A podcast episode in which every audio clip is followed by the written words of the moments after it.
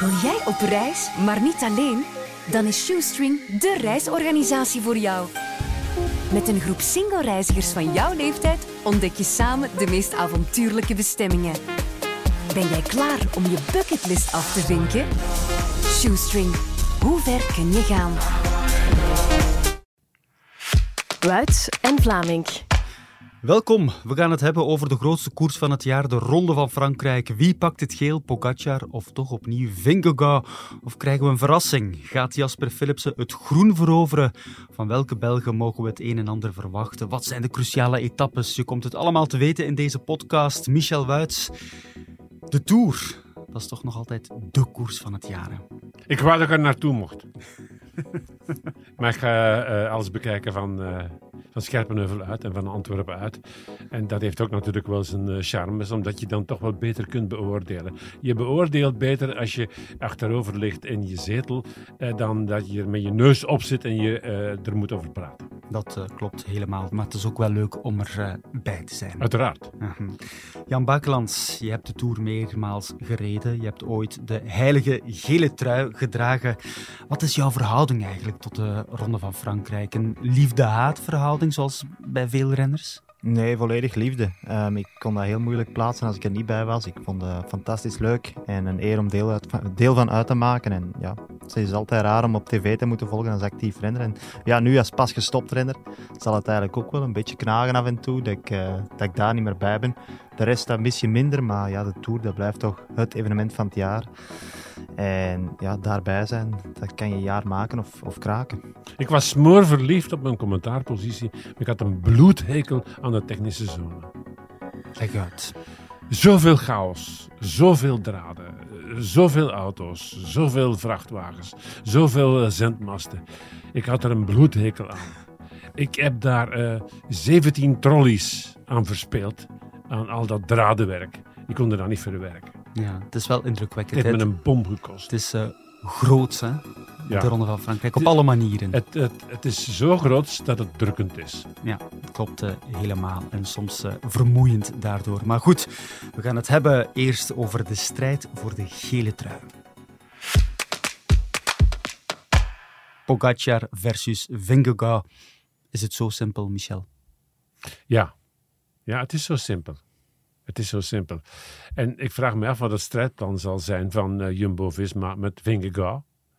Ehm, gaan ze een poging doen om eh, Pogacar, van wie men misschien vermoedt dat hij nog niet helemaal pronto klaar zal zijn, vanwege zijn eh, zware val in uh, bastenaken gaan ze onmiddellijk alle registers openen in, op een terrein in een regio die zich daartoe leent. Ja, dat wordt eigenlijk inderdaad wel eh, te vragen. Maar als ik eh, kijk naar wat uh, Tadej Pogacar afgelopen week heeft gedaan.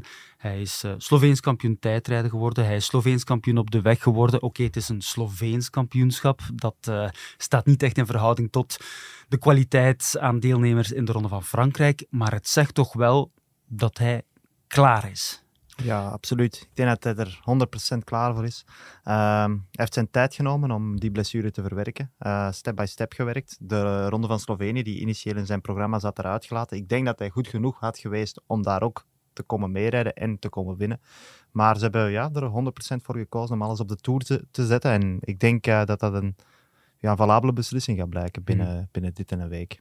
Die twee heren hebben een uh, totaal andere voorbereiding gehad. Pogacar natuurlijk, ja, die blessure, Luik, Bastenaken, Luik, de Val. Als we kijken naar uh, hij wint de Dauphiné. Dat was toch wel indrukwekkend, moet ik zeggen, Michel. Het, was alsof er maar uh, één jongen meedeed. Ik stond iedere keer versteld bij zijn aanvalswerk, hoe passief de anderen daarmee omgingen. Ik zag hem bijvoorbeeld in de slotrit op uh, La Bastille uh, attackeren.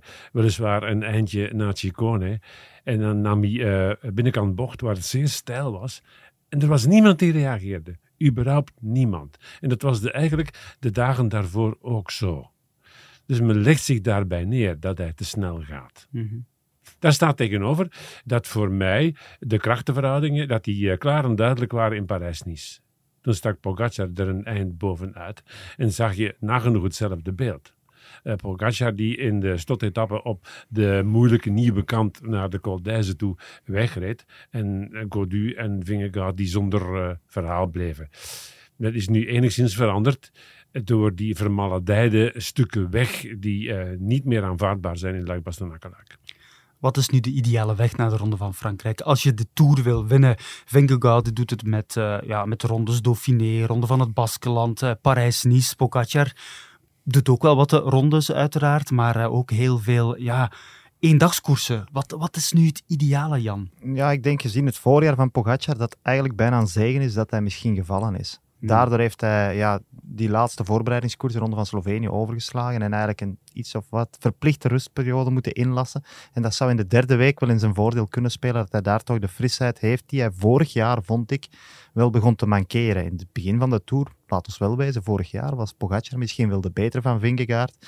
Uh, ook de handigere. We denken aan de uh, etappen over de kasseien. Maar dan in de laatste week, ja, dan begon het toch wel echt duidelijk in het voordeel van, uh, van Vingegaard te kantelen. Zeker de etappe die aankwam, denk ik, op Otakam, waar Wout van Aert echt heel, heel, ja, heel, heel sterk was. Indrukwekkend. Dus ja, wat Jumbo-Visma voor mij de laatste jaren wel bewezen heeft, ze hebben echt een voorbereiding in de vingers. Ze weten hoe ze dat moeten aanpakken. Het is tot op de minuut eigenlijk bijna uitgeteld en uitgecalculeerd. Um, wat je moet eten, hoeveel kilometer je moet trainen. En ze, ja, ze enten dat eigenlijk jaar na jaar over. Um, op, op die groep die de Tour gaat rijden. Ook dit jaar eigenlijk quasi dezelfde voorbereiding. Stage in Sierra Nevada. Um, de conditie aftoetsen en echt rijden om te winnen in de Dauphiné. En dan nog een extra stage van een dag of tien erbovenop. Degene die in dienst zullen rijden, die het kampioenschap rijden. En dan ja, start naar de Tour. Bij Wout van Aert was er dit jaar een beetje een afwijking van dat plan. Ik denk dat hij wel een beetje was uitgekeken op de Dauphiné. Dat maar... is ook zo, dat heeft hij ook gezegd. Ronde van Zwitserland, even een andere prikkel. Ik ben benieuwd hoe, dat, dat uh, gaat lopen. Zien we een even goede Wout van Aert. Ik heb uh, in het verleden vaak vastgesteld dat toch uh, hun A-ploeg in de, in de Dauphiné zat en dat daar die voorbereiding echt perfect mm -hmm. op punt stond. En nu hebben ze misschien iets moeten van, veranderen in dat stramien. En ja, kijken of dat even goed gewerkt heeft. Ik ben benieuwd. Ik hoop dat hij wat meer ademruimte krijgt. Dat hij zich niet meer zal moeten opofferen in een uh, wel zeer zware passage in de Alpen.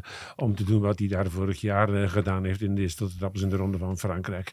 Om bijvoorbeeld op uh, Hotakam nog, nog een eind mee te gaan en nog derde te worden. Ik hoop dat dat nu allemaal niet meer moet. Omdat hij ook toch nog graag wereldkampioen wil worden in Glasgow. En hij kan zich wellicht ook alleen maar focussen op eventueel een paar etappezeges in het beste geval. En dan de kopman bijstaan. En niet voor die groene trui gaan. Dat is toch al een groot verschil. Ik hoop, ik hoop dat hij daar kan van afblijven. Dat hoop ik voor hem. Um, ik denk dat er tal van supporters uh, zeggen van ja, maar, maar wat zeg je nu? Maar ik hoop het voor hem dat hij dat uit zijn hoofd kan zetten. Maar laat hem twee of drie etappes winnen dan staat hij daarvan boven. Dat en dan zo. komt dat temperament boven. Bovendien, wat fundamenteel is aan Van Aert, aan zijn karakter, dat is dienstbaarheid. Ja. Hij doet dat graag, zich opofferen voor het uh, geheel. En in dit geval voor Vingegaard, met, met wie hij blijkbaar ook nog goed overeenkomt. Maar ik heb wel de indruk als Wout van Aert zegt van kijk, ik ga niet voor de groene trui gaan, dat dat temperament dan geen rol speelt. Dan kan hij dat volledig van zich afzetten. Dat is toch iemand anders dan bijvoorbeeld Remco Evenepoel, die dan alles wil winnen en, en er ook voor zal gaan.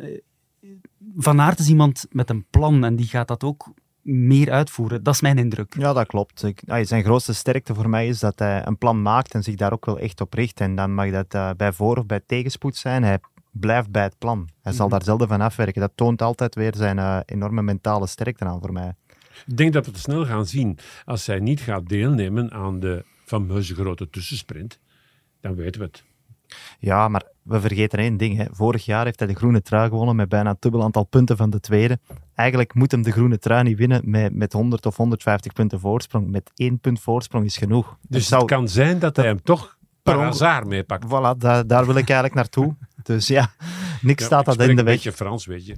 Ja. In, de, in de trein van de Tour. Maar wat vinden we eigenlijk van Wout van Aert? Uh, heeft hij in Zwitserland en op de BK's tijdrijden en op de weg kunnen overtuigen voor jullie? Um, ik kan me niet van de indruk ontdoen dat het bij Van Aert sinds die Tour van 2022, waarin hij alles gegeven heeft, waarin hij dieper ging dan je diep kon gaan, dat hij niet meer aan zijn doelen geraakt is die hij vooropgesteld is. Of heeft. Ik vind een, een harde conclusie momenteel, want allee, laat ons niet vergeten, vorig jaar augustus, die harde Tour achter de rug. Hij wint in Plouet, hij laat zich eigenlijk vloeren door zijn eigen schuld in Hamburg. Ehm, hij wint in Montreal. Ehm, nee, werd geklopt in Montreal. Door Pogacar wel. Het bleef een- alleen bij ja. de grote prijs van Ploeg. Maar hij werd daar ook tweede. Dus ja, en geklopt worden van Pogacar, dat is nu ook niet bepaald een onheer. nee. Dan inderdaad, het WK viel wel wat tegen. Maar je weet hoe het gaat op dat niveau, hè, Jan. Als je op het niveau van Van Aert zit, dan is het winnen hè, voor het grote publiek. Hè. Ja, dat is waar. Dat is hard, qua, over- qua overwinningen is het sindsdien misschien zelfs iets minder geweest dan hij zelf had verwacht. We kunnen natuurlijk er niet aan voorbij dat hij er vaak dichtbij was. Maar ja, ook dit voorjaar was Van der Poel eigenlijk wel de betere. Toch zeker in zaken overwinningen, of belangrijke overwinningen. En heeft Wout het, ja, deels door zichzelf. Hij had geen Twijfelgem die moeten weggeven. eh, met iets minder moeten doen. Maar ja, nu, het is moeilijk conclusies trekken uit de Ronde van Zwitserland, die toch vooral getekend is door het Mm. overlijden van Gino Meder. Ja. Waarbij de belangrijkste ritten die Wout lagen, ja, Daar ben ik het mee eens. Ehm, het is wel zo dat hij ook eh, zelf zei van ehm, de Ronde van Vlaanderen, dat heb ik niet beseft, zoals dat nu uitgetekend is, dat eh, parcours, dan wordt dat een probleem voor mij en zal dat een probleem blijven, want dat gaat meer en meer in de richting van lichtgewichten die daar eh, een werk van maken, zoals Pogacar. Mhm. Maar goed, we mogen ook niet vergeten dat hij Parijs-Roubaix had kunnen winnen zonder Zwaar. die eh, lekke band. Dus. Goed, we zullen wel zien wat eh, Wout van Aert zal doen in de Ronde van Frankrijk. Het WK is twee keer eh, voor hem een boost geweest. Ja, en toch kan ik mij niet van de indruk ontdoen dat ik eh, gisteren een vorm van ontgoocheling eh, voelde bij hem op het einde van Maar dat dat snap BK. ik. Hè. Ik heb BK zelf gereden. Dat is een koers bij uitstek waar een beslissing tot een al dan niet juiste beslissing tot een, tot een resultaat leidt. Want als Wout gisteren zijn benen spaart, krijgen we één, hij niet meegaat in die vroege vlucht, krijgen we één een heel andere wedstrijd. Krijgen we een veel gemakkelijkere wedstrijd. Zal Philipsen allicht veel meer meedoen dan dat hij nu meegedaan heeft. Stik benoot in die vlucht in plaats van Van Aert en je krijgt een andere finale. Dat is bizar, dat is zijn job eigenlijk. Maar dan kan Jumbo-Visma ook weer niet achteruit ehm, leunen. En dan gaat Quickstep bijvoorbeeld met Tim de Klerk niet achter die vlucht rijden. Want dan zeggen die, ja, Lampard tegen Benoot. Ja, laat maar komen. Mhm. En ja, dan krijg je weer een heel andere koers. En door hoe dat het dubbeltje valt, Ja. kreeg je nu gisteren een heel speciale en zware koers. Waaruit eh, Remco ja, zijn voordeel weet te halen. Hij rijdt uiteindelijk iedereen kapot. Maar voor hetzelfde geld was het een, een, een heel andere, veel gemakkelijkere wedstrijd Maar geweest. kunnen we- En- En reizen misschien met z'n tweeën, de rest Ja, kapot. Maar kunnen we dus zeggen dat Wout van Aert ervoor gezorgd heeft dat Remco Evenepoel Ja. Belgisch kampioen is geworden? Absoluut. Voor mij wel. Absoluut. Met. Remco, Remco mag een kaartje opsturen. Dat hadden we al door als eh, hij daarmee bezig was. En vooral toen hij nog doorging met eh Lampaard. Ik wil hier mijn grote dank uitspreken eh jegens eh Lampaard dat hij dat meegedaan heeft. Mhm. Het Tof. De rest zou daar een voorbeeld kunnen aannemen, vind ik. Remco Evenepoel heeft dat gezegd. Nee, nee, nee. Ah. Ik zeg dat nu over eh Lampaard. Ja, ja, Lampaard zijn rol is even cruciaal. Nog crucialer geweest voor, eh, voor eh, Remco Evenepoel. Ook om de beslissing te nemen op 60, 70 kilometer van het einde. Om te beginnen demareren, om die kopgroep uit elkaar te rijden. Waardoor je nog eens een heel andere dynamiek kreeg. Waar op dat moment eigenlijk die 14, of ik weet niet meer exact hoeveel het er waren, onder controle leken te zijn. Dan kwam er een nieuwe aanzet. Moest er achteraan toch versneld worden, moest eh, vooral Alpecin weer een nieuw blik eh, helpers opentrekken. En dan ja, op het einde waren die gewoon uitgereden. En ja, ik, ik begrijp de ontgoocheling, want ik denk dat, dat Wout echt gestart was met het idee van ik ga ze allemaal kapot rijden, ik wil Ja. hier winnen. En hij, dubbel. hij neemt dan het initiatief in die heuvelzone, heeft daar goede benen, komt direct in een situatie waarvan hij denkt, dit was zoals ik het vooraf had bedacht, zo moest het zijn.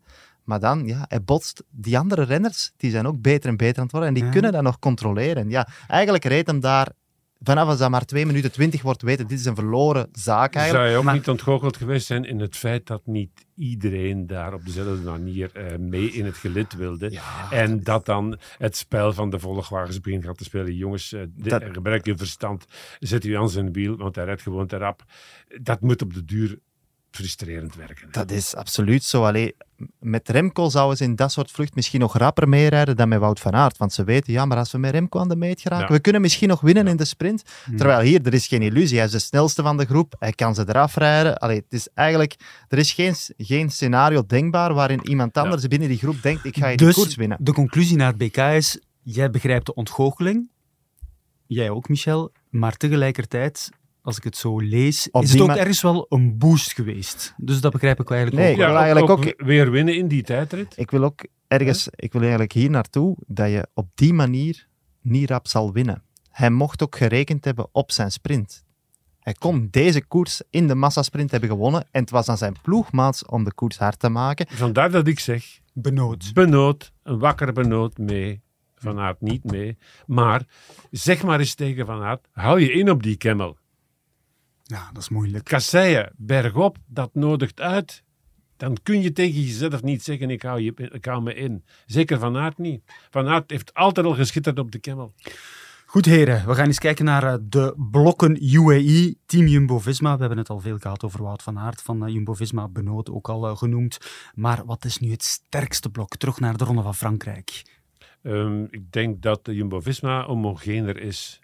Ik was wel zeer gecharmeerd in de voorbije rittenkoersen door eh, de evolutie, de gunstige evolutie en de paraatheid van eh, Maika en een aantal anderen van zijn companen.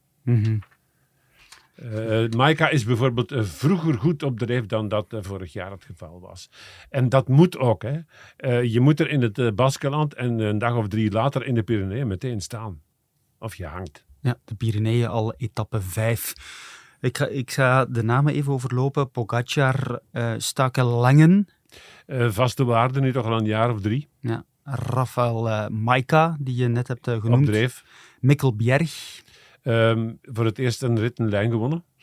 Marc, Nee, Sol- tijdrit, tijdrit, sorry. ja, Marc Soler, Ehm, altijd betrouwbaar. Een tikkeltje egoïstisch, maar zal wel in het grid lopen. Adam Yates Ehm, nog beter dan Maika. En Felix Groos-Gardner. Eh, een van de eh, grote figuren eh, of, in dienst al het hele seizoen. Mhm. Jumbo-Visma, Vingegaard, de kopman natuurlijk. Dille van Baarle.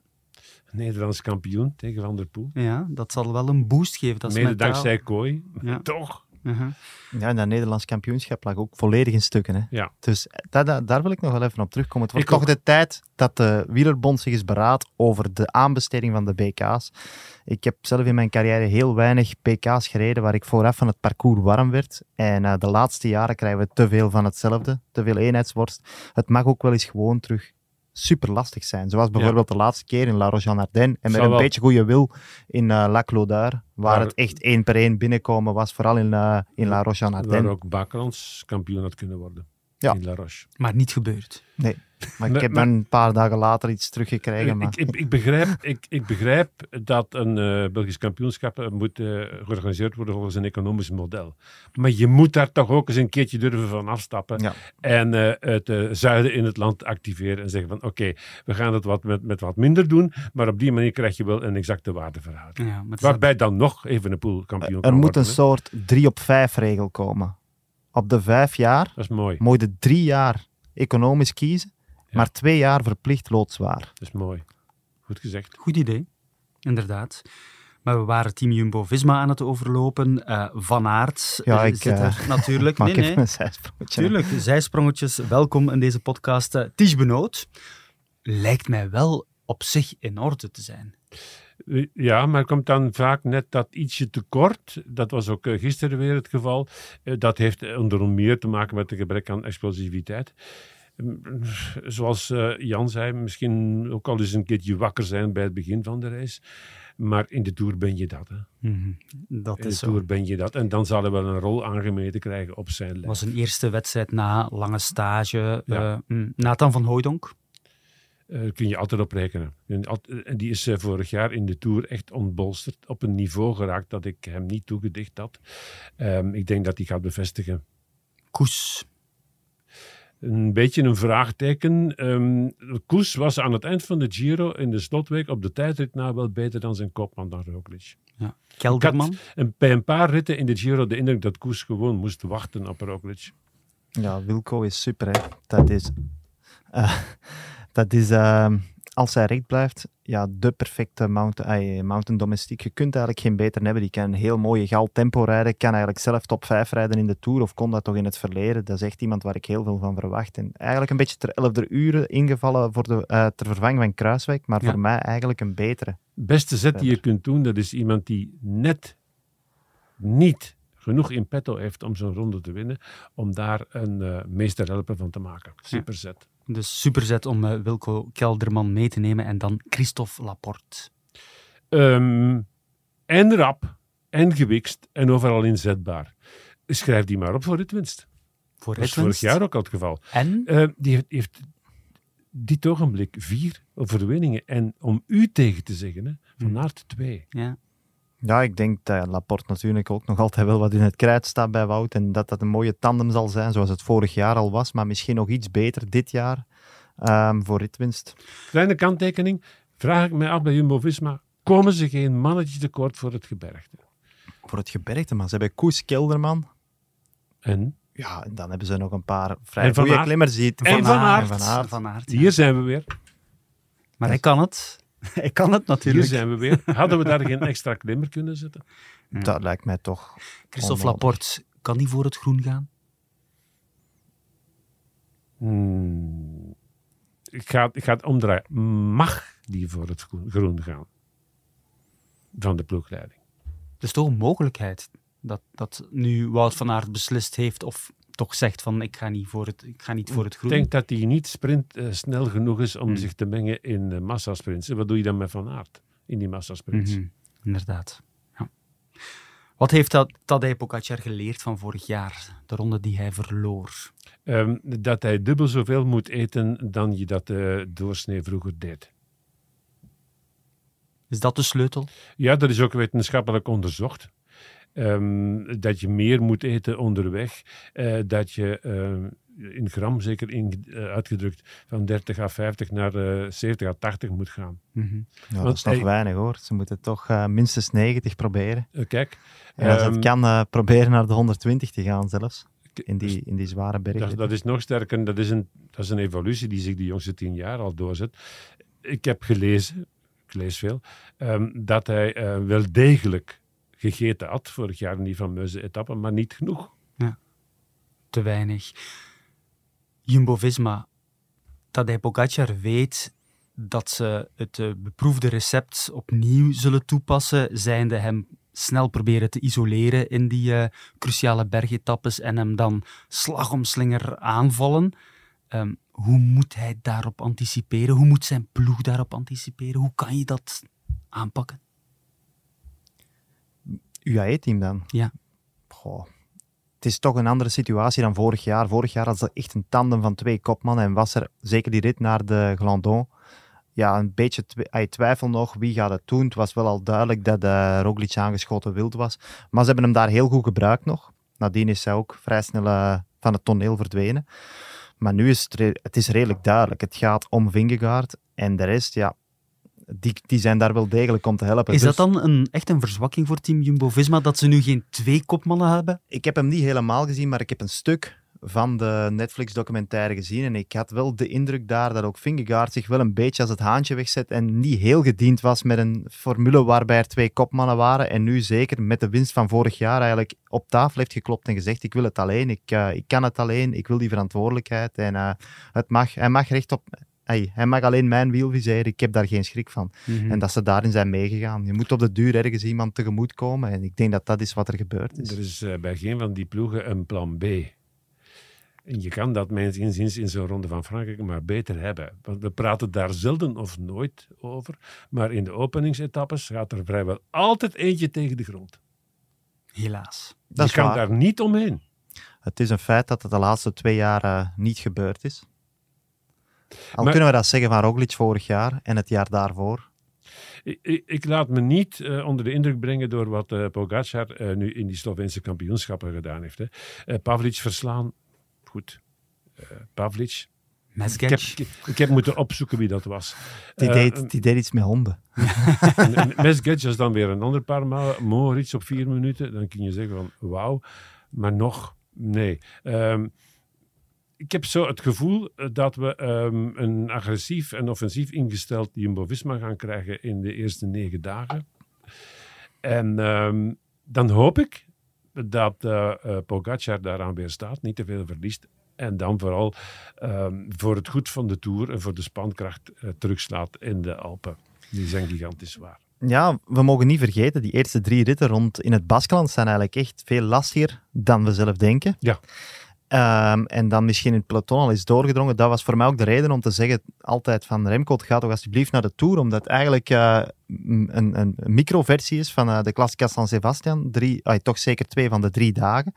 En ehm, ik denk op dag 1 al rijden we die klim op, waar Remco vorig jaar iedereen er, ertussenuit reed. 4 kilometer, 10% gemiddeld, ruim 10% gemiddeld in een, in een, op een smalle weg door een natuurgebied. Um, dat nodigt echt uit tot improviseren. En wat dat betreft um, geef ik zelfs uh, Pogacar het voordeel op Vingegaard, omdat hij, ja, doordat hij zo getalenteerd is, heel vaak, ja, tegen, hij heel vaak zijn intuïtie gewoon gebruikt. Terwijl het bij Jumbo-Visma toch altijd een beetje berekend is en er tactische richtlijnen dienen gevolgd te moeten worden. En ja, dat, dat lijkt mij een heel interessante dynamiek. Ik, de Tour hoeft niet per se in het hoge bericht te, gewonnen te worden dit jaar. We hebben ook nog de, de op het einde. Dat is geen hoge bergte, maar het is ook weer zo ja, heel compacte formule op en af, waar uh, als je kapot zit echt uh, heel grote gaten kunnen Dag één, de, de, ik meen de Pique di Bidea, dat is degene waar je het over heeft. We zijn daar in de ronde van Spanje is naar boven gereden. En uh, toen is op een bepaald moment uh, gestopt. En ik had de intentie om mond aan mond gaan te doen bij de auto om hem boven te krijgen. Oké, heren. We gaan het straks nog hebben over het parcours. We gaan het ook nog hebben over de Belgen en de Belgische ploegen in de Tour. Maar laten we toch even kijken naar enkele outsiders voor het algemene klassement. Wel, het is te zeggen, wie gaat uh, voor plek 3? En dan kom ik meteen uit bij uh, David Godu, de Franse hoop. Vorig jaar is hij uh, vierde geworden. Ja, podium, hè, dat moet toch het doel zijn. Is me dat een eigenzinnig manneke? Hoe die de, de sociale media bewerkt. En hoe hij dat gedaan heeft om uh, Demar klein te krijgen. En er ook nog eens in geslaagd is. Men is die ook nog eens gevolgd. Geen Demar in mijn toerploeg, want alles moet om mij draaien. Um, dan denk ik bij mezelf, dat is één, uh, straf. Want Demar is in topvorm. Maar men volgt hem wel. En je moet denk ik een ticketje smeerlap zijn om in zo'n uh, toerploeg van Fransen het allergrootste haantje te zijn. Um, maar je zou het dan wel niet aangeven, hè? als je hem ziet met zijn brilletje, heel uh, bedeesd in zijn eigen wereld. Het ziet er eigenlijk een heel vriendelijke jongen uit. Heel bedeesd, niet te veel aandacht uh, zoekend. Hoed u voor studenticoze mannetjes met smalle lipjes. Ja, die niets anders doet dan op zijn uh, Gameboy spelen. Bij wijze van spreken, het zal Nintendo zijn, ik weet niet wat het allemaal is. Maar het is, het is heel raar dat hij zo is. Het is wel het, type van de moderne klimmer. Um, hij heeft een groot omwentelingsvermogen en heeft power, heeft punch. Mhm. Je verslaat niet zomaar Van Aert in een sprint. Ook al dacht Van Aert eh, te vroeg toen in die Dauphiné, ik ben hier voor winst. Um, het is wel zo dat hij zichzelf voorbij gereden heeft op de tijden. Die drie weken stage. En dat hij daar redelijk kapot van teruggekomen is. En dat hij mede daardoor in de volgende rittenkoers voorbereiding geen poot vooruit kwam in de Dauphiné. Daar was hij niet uh, gelukkig over, want hij dacht in de Dauphiné... Um, baat te hebben bij die stage. Maar dat kan nu in de Tour wel komen. Mm -hmm. En hij zal wel vertrouwen hebben na vorig jaar. Hè. Toen reed hij wel met heel veel druk rond, omdat hij en niet uh, Thibaut Pinot werd aangeduid als de kopman van uh, eh, FDG. Hij heeft wel bewezen dat hij, uh, als hij onder druk staat, dat hij toch goed kan presteren. Ja, ook al omdat hij volkomen diametraal staat op Pinot en zijn wat, zijn wat slappe karakter. Mm -hmm. Pinot is per definitie kwetsbaar en deze Gaudu, uh, ik heb de indruk dat hij zich uh, boven alles zet. Mm -hmm. Strijd voor het podium, dan denk ik ook aan Ben O'Connor, vorig jaar petje ja. had, nu derde in de Dauphiné in het algemene klassement. Toch een indicatie van de vorm. Ja, ja iemand die dag na dag staat. Dan eigenlijk ook wel niet bang is om eens mee te gaan in een vroege vlucht als hij wel wat tijd verloren zou hebben en zo toch in het spel kan komen om, uh, voor die derde plaats. Ja, en natuurlijk, we spreken nu over een derde plaats, maar zoals gezegd, er kan altijd iemand uh, vallen of ziek worden, waardoor het toch nog een, uh, een andere tour wordt en het ineens terug open ligt. Verder, ja, een beetje afwachten. Die, niet alle selecties zijn al gekend. Wat gaat Ineos doen? Wie ja. brengen ze mee? Carlos Rodriguez is iemand die altijd stappen blijft zetten. Mm -hmm. Maar je kan je toch niet van die indruk ontdoen dat je al een aantal etages zakt in de beoordeling naar die top 2. En dat dat gat groot is. Ja, het gat is groot, heel groot. En dat binnen de kortste keren, ik spreek nu één jaar, twee jaar vooruit, dat gat gaat ingevuld worden door die massa aan talent die er nu staat aan te komen. Ja, dat gaat zo zijn. Allee, als we nu al warm moeten lopen voor David Godu, met alle respect, maar dan, uh, dat, dat, dat zegt toch veel. Ja. Maar je haalt het al aan, Jan. Ineos, Carlos Rodriguez, Martinez, Bernal zal er wellicht weer uh, bij zijn. Ik weet niet, uh, het is nog niet officieel. Ik denk het wel, ja. Tom Pitcock. Maar het zou mij verrassen als die voor het klassement gaat rijden. Het mag nu toch wel eens uiteindelijk gaan blijken waar die Pitcock naartoe wil. Ja? Ondanks het respect dat ik voor hem heb, eh, dat hij ook op andere terreinen, zoals in het mountainbiken, dat hij niet alleen meedoet, maar ook nog eens schittert en doorgaans wint, mag ik toch wel eens zeggen van, dit is nu mijn doel op de weg en dit kan ik nu op de weg. Vorig jaar vond hij het niet plezant om uh, bidons uh, uit te delen aan zijn ploegmaats en dan één keer zijn kans te mogen gaan op... Dat men hem dan nu als kopman laat starten en dat hij dat dan alsjeblieft in zijn kop rent, dat hij dan ook echt voor kopman speelt. Ja. En dat hij daar vooraan blijft en dat hij niet wegzakt. Toch benieuwd hoor. Ja, ja. Ik denk voor een derde plaats is voor mij ook Simon Yates ja. van uh, Jaco Alula een, een belangrijke kandidaat. En die heeft echt zijn hele jaar daarop afgestemd. En ja, die, kan, die heeft in het verleden al goede grote rondes gereden. Um, hij of zijn broer zelfs de Vuelta al gewonnen. Dus uh, dat, dat zit er daar wel in. Simon heeft de Vuelta gewonnen.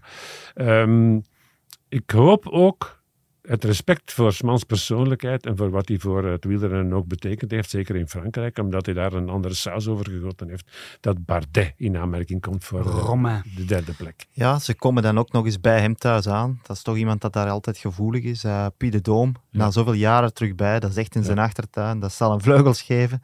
Dus uh, ja, interessant om te volgen. En ook minder gemarkeerd. Hè. Dus de grote renners houden minder en minder rekening, veronderstel ik, met Romain Bardet. Maar in het verleden al getoond dat hij vanuit een lange aanval toch één de rit kan winnen. Ja. En, en ook zijn zaak kan doen in het klassement. En iemand die niet kapot gaat. Nee. Ik hou van maniakken. Ja. En ik wil nog één naam noemen. Matthias Schialmoze. Ah!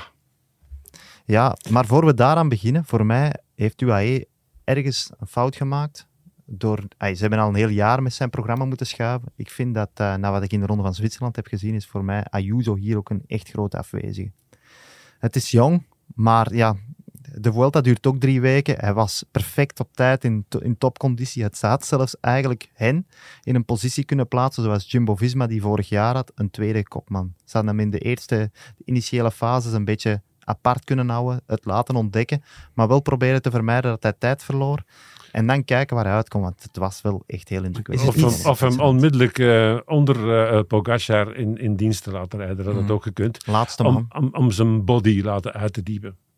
Ja, dat is, een, dat is eigenlijk echt wel een gemiste kans. Heel, heel dankbaar om naar een ronde van Frankrijk te gaan als potentiële winnaar binnen x aantal jaar in de ploeg van de momenteel beste renner die aan de start zal staan. Voor mij toch nog uh, altijd. In de kantlijn daarbij zou ik zeggen van Ayuso, uh, denk eens goed na vooraleer je uh, beslef, beseft of beslist waar je toekomst ligt. bij UAE zal die niet liggen. Nee? Nee. Nee, maar hij zit nee. Alois, pas op hoor. Pas op. Ik denk, die gaan ze nooit laten gaan. Dat gaat heel veel geld en, kosten. En hoe gaat men dat dan oplossen? Tja, vroeg of laat komt daar toch een situatie waarbij ze echt wel vroeg met of, twee in de Tour zullen starten, zoals Roglic en, en Vingegaard bijvoorbeeld vroeg, vorig vroeg jaar. of laat. Dat moet dan heel vroeg Maar hij zijn, is nog maar 20 jaar, denk ik. 20 jaar, ja, klopt. Ja, ja, ja, maar, ja. maar toch. Maar, Maar, misschien toch, is Pogacar toch. volgend jaar uitgekeken Eh, op uh, maar de Ronde van ik zou Frankrijk. u toch wel een attent op maken dat uh, Ayuso uh, op zijn leeftijd van 20 meer kan dan Indurain op zijn 20ste. Ja, en, En een pak meer. We hebben vaak gepraat over hoe snel uh, Remco Evenepoel is doorgebroken, maar voor mij zet uh, Ayuso zijn voet daar minstens naast. Wel, Op is er, dezelfde leeftijd er is er eentje die bij zijn eerste ronde van Spanje meer gedaan heeft dan uh, Ayuso, dat is Pogacar. Die won met name ook nog eens in zijn mede-Vuelta drie etappes. Maar die was toen al... 20. Nee, 22 denk ik Dakske zelfs. Duvel? Hij is drie jaar uh, belofte geweest. Duvel. Ja, dat is goed. Zet dat maar klaar.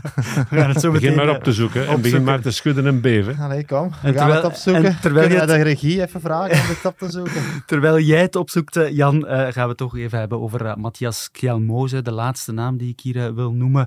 Want het was toch wel eh, ja, een mooie winnaar. In eh, Zwitserland heeft het eigenlijk eh, heel goed gedaan in die heuvelklassiekers in het eh, voorjaar. Tweede plaats bijvoorbeeld eh, Waalse Pijl. Denk ook top 10 in eh Luik, Bastenaken, Luik.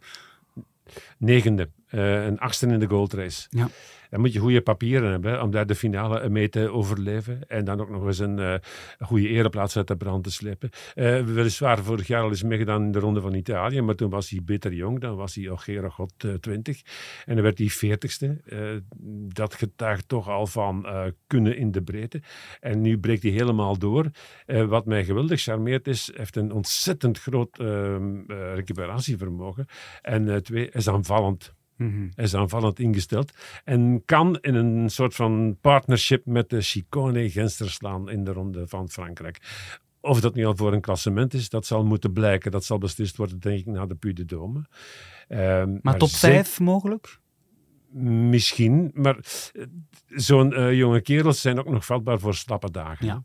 Maar die slappe dagen kunnen dan wel in de hand werken dat ze daarna een uh, vrije dag kunnen kiezen. Met andere woorden, meegaan in een lange vlucht en dan voor winst gaan, voor ritwinst. Oké, okay, interessant. Jan, je hebt uh, intussen jouw zoekwerk gedaan. het, is een, het is een vorm van interpretatie. Um, dus Pogacar verjaart um, laat op het jaar, in september, 21 september. En dit jaar wordt hij 25. En zijn goede jaar was dus in 19. Dus hij werd eigenlijk net na de Vuelta 21. 21. Hij dus hij was 20. Hij, werd, hij, was 20. 20 en 300. En. Uh, dus hij was... Haal die portefeuille maar boven. Hij was 20. Dus ja, bedoel, ik zal beslissen. Dus bakduvel of wat, wat ja, was dat? was het wat hij genoemd heeft. Drie. Ah, het zijn er al drie. drie, dat drie bakken duvel. Oké, okay, dat is duidelijk. Laten we het hebben over uh, de Belgen en de Belgische ploegen in de Tour. Jasper Philipsen. Groen. Ja. Ritwinst en groen. Um, als er één sprinter is die geknipt is om dat uh, lastige begin te verwerken, want daar gaat het om. Je moet dat niet alleen verwerken de dag zelf, maar over de loop van de dagen, dan is dat Philipsen wel. Mm -hmm.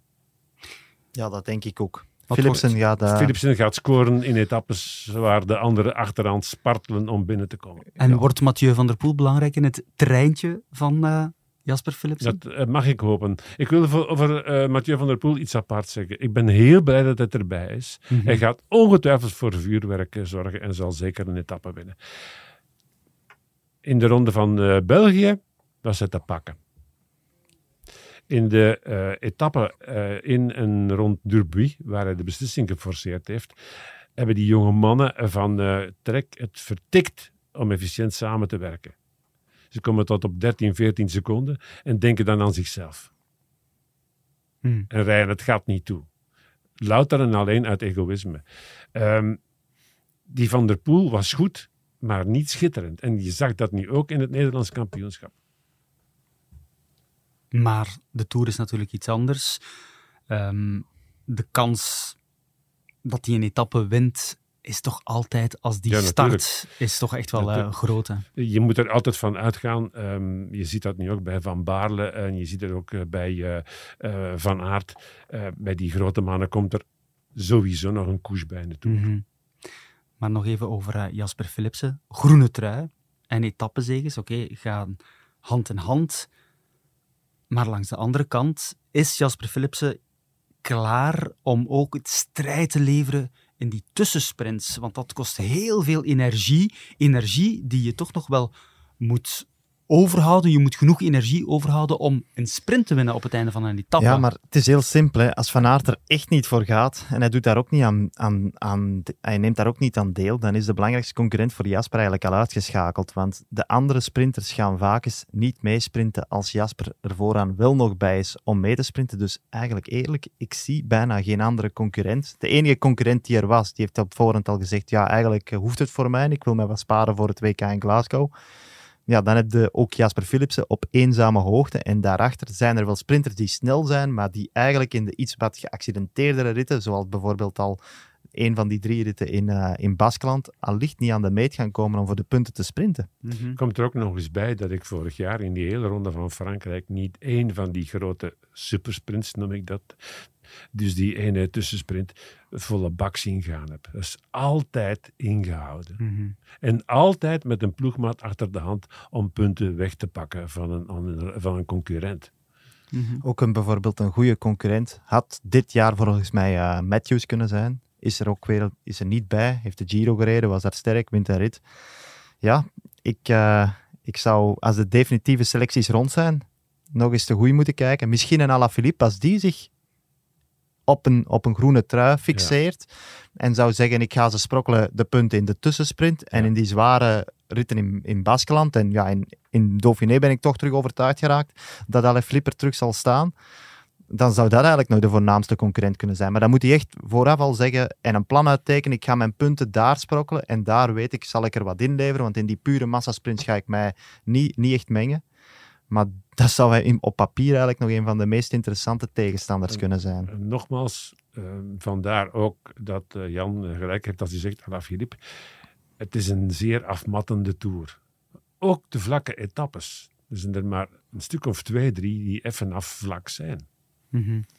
Die dus na de zware bergetappes ook nog eens een straf begin hebben. En ga dan maar eens naar die tussensprint toe.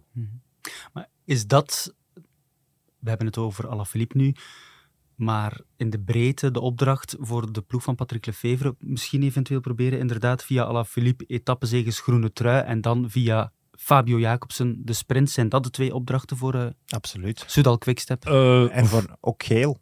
in de openingsetappe. Ja, zoals Alaphilippe dat eigenlijk drie jaar op een rij, denk ik, Ja. zelfs gedaan heeft. Ja. Dit jaar terug. En dan zit ze zoals vorig jaar. Ze zijn daar eigenlijk de afgelopen vijf jaar, denk ik, meester in geweest om de schaapjes op het droge te hebben in het eerste weekend al. Mhm. direct openen. Ehm, ik, ik was ehm, enigszins gecharmeerd door eh, de instelling van Alaphilippe in de Dauphiné. Ehm, Hij heeft een nog grotere Veuclair-gehalte gekregen. Het enige dat Hij begint nog meer te spelen met de camera, maar hij mat zich weer af. Mhm. En dan is hij gevaarlijk. Hij mat zich af tot tegen de muur, tot voorbij de grens. Krijgt dan een terugval, maar staat er dan standaardaags weer. En opgelet, hè, als hij dat blijft doen, dat kan best ook zijn dat hij zo te werk gaat in de Tour. Opgelet voor het WK. Hè. Absoluut.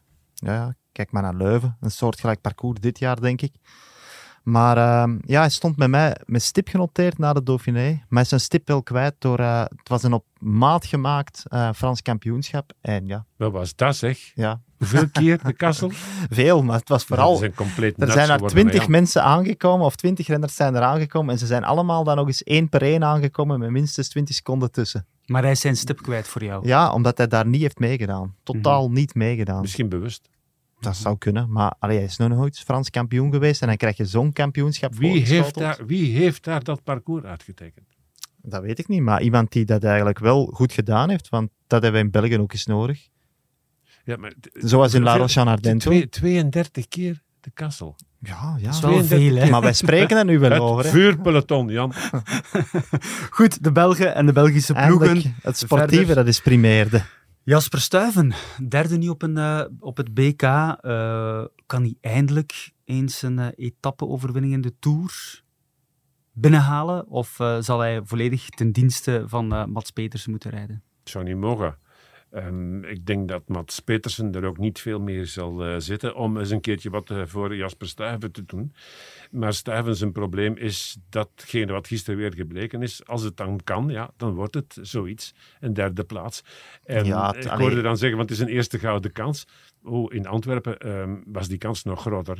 Toen hij uiteindelijk uh, topfavoriet was in dat groepje van vijf. En dan uiteindelijk niet tot sprinten kwam. Uh, in het jaar waarin Nasen won. Mm-hmm. Dat is ondertussen al vijf, zes jaar geleden. Hè? Ja. Nog een aantal. Maar, maar ik, ik, zou het graag hebben. Hè?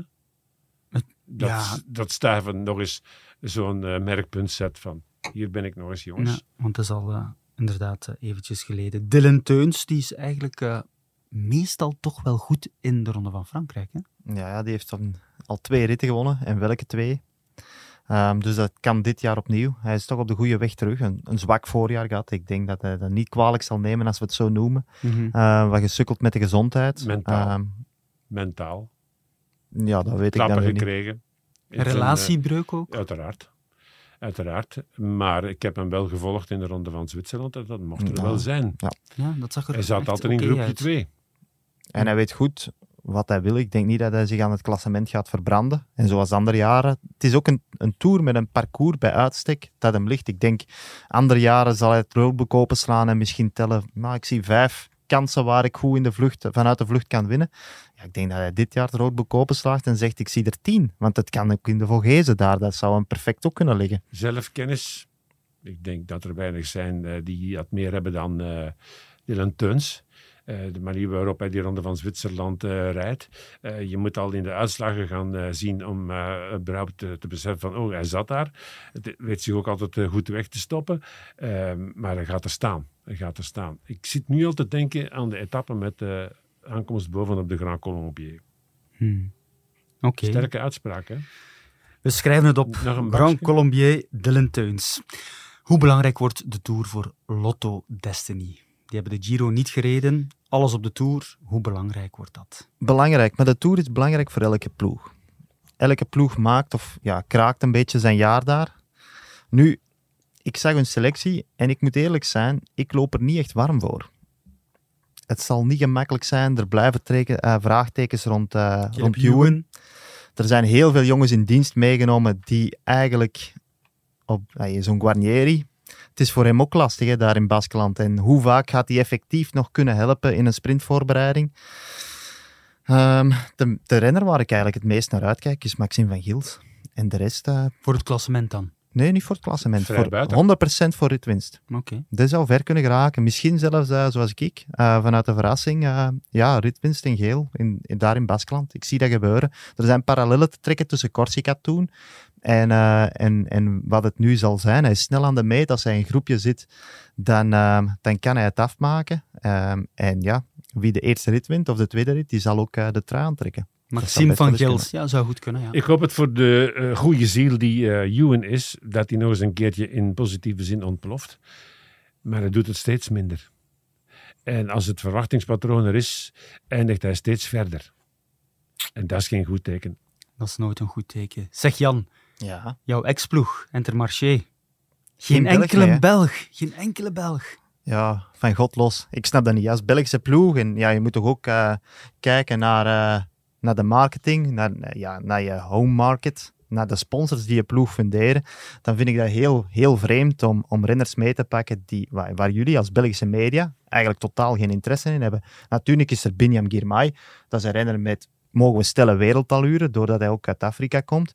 Dat is heel interessant, maar een Belg moet daar eigenlijk altijd bij zitten. Men mikt daar uh, op visibiliteit meer op visibiliteit dan uh, op bijvoorbeeld een uh, prestatie in een klassement of zo. Maar is er uh, men, één land? Men, men, hoopt, men hoopt dat men aan de achterzijde van de kopgroep mijntjes vaak in beeld zal zien. Mm -hmm. En men hoopt dat Ruby Costa nog eens een keertje zijn oude knoken insmeert om eventueel eens mee te gaan in een lange vlucht. En dat kan.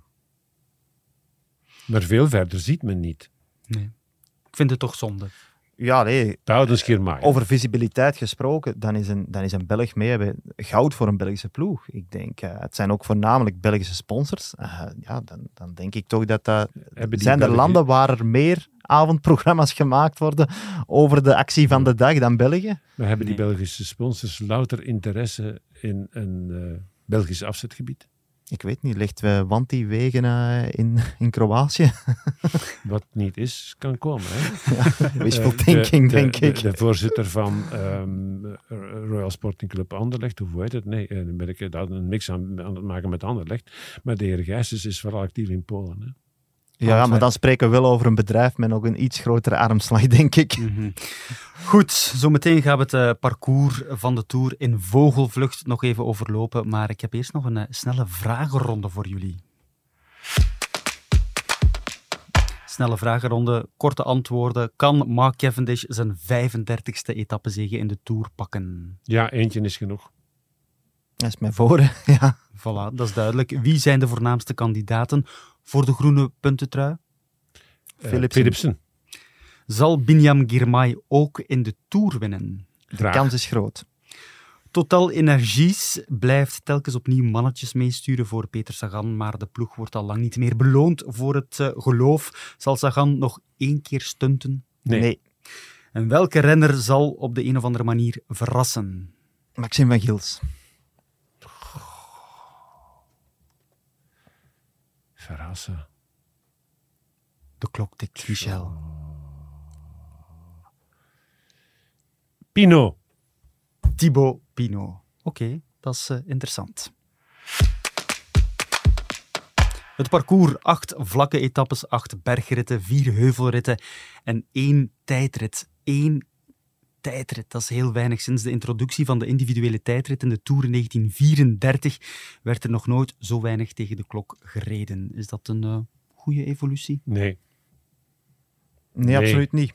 Nee, het is nog, wat mij betreft, nog altijd de meest duidelijke, um, heerlijke, um, uh, beantwoordend aan het individuele kunnen uh, als discipline. Um, ik hou daarvan. Ik hou ook van uh, het zien van die technische evolutie. Ik hou ook uh, van het bewonderen van mans stijl. Zo'n Ayuso bekijken bijvoorbeeld. Dat is uh, een, een lekkernij. Daar word je high van. Um, en, en, en dat wordt geschrapt, dat wordt voortdurend geschrapt. Een goede twintig jaar geleden hadden we nog tijdritten van 50, 60 kilometer. En nu is dat toch, geen god, 20 kilometer. Het is een klimtijdritje, hè?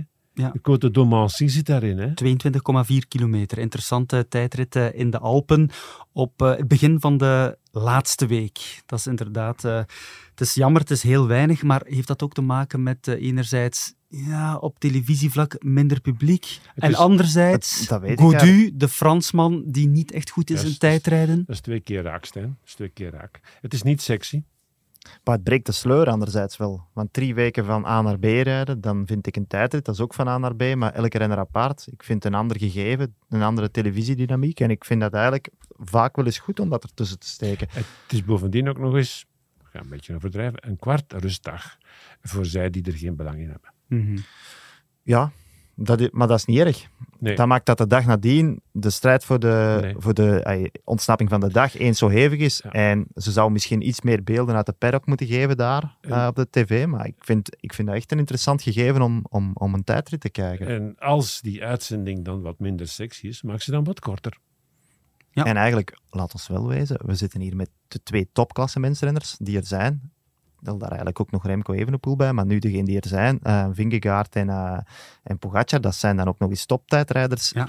Komt er ook nog eens bij dat als zo'n tijdrit georganiseerd wordt in zo'n grote ronde en in functie staat van een klassement, dan wordt ze wel veel interessanter dan een losse tijdrit um, van één dag die bijna uitgestorven is. Ik, ik vind het heel raar gezien de monumentale omkeer, omkeer bij de eerste van Pogacar, dat ze nadien toch nog verder zijn gegaan in het schrappen van tijdritkilometers. Mm -hmm. Want daar, ja, dat, dat, was een gedroomde afsluiter. En eigenlijk, om die um, Champs-Élysées-etappen een beetje te reanimeren, zou het eens goed zijn om daar, daar een tijdrit te Gelukkig geven. volgend jaar is, is, is dat het Nice. geval. Het is een Nice door de Olympische en, Spelen. En het is en, een tijdrit zelfs in die, denk ik. Het is een tijdrit. Dat is voor volgend jaar. We, weet je, dat, dat zou echt een mooie stap terug zijn naar ja, Fignon en toen zo. Voilà.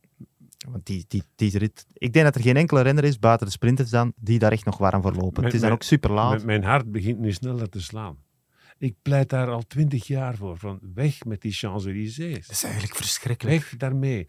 Of hou ze en eindig zoals in 89 met een tijdrit. Ja. Of hou ze en doe het eens als eerste rit. Ik, dat, er echt voor, en, dat er echt gereden wordt. En, en, en nu doen, maar eerst wel nieuwe dingen leggen. Nu doen jullie Nieuw asfalt. Fijn jongens. Prettig gevoel. Nou, maar ik was daar ook geen fan van als renner hoor. Ik denk dat er weinig renners fan van zijn. Bovendien, de laatste jaren, ze willen elk jaar een uur later starten.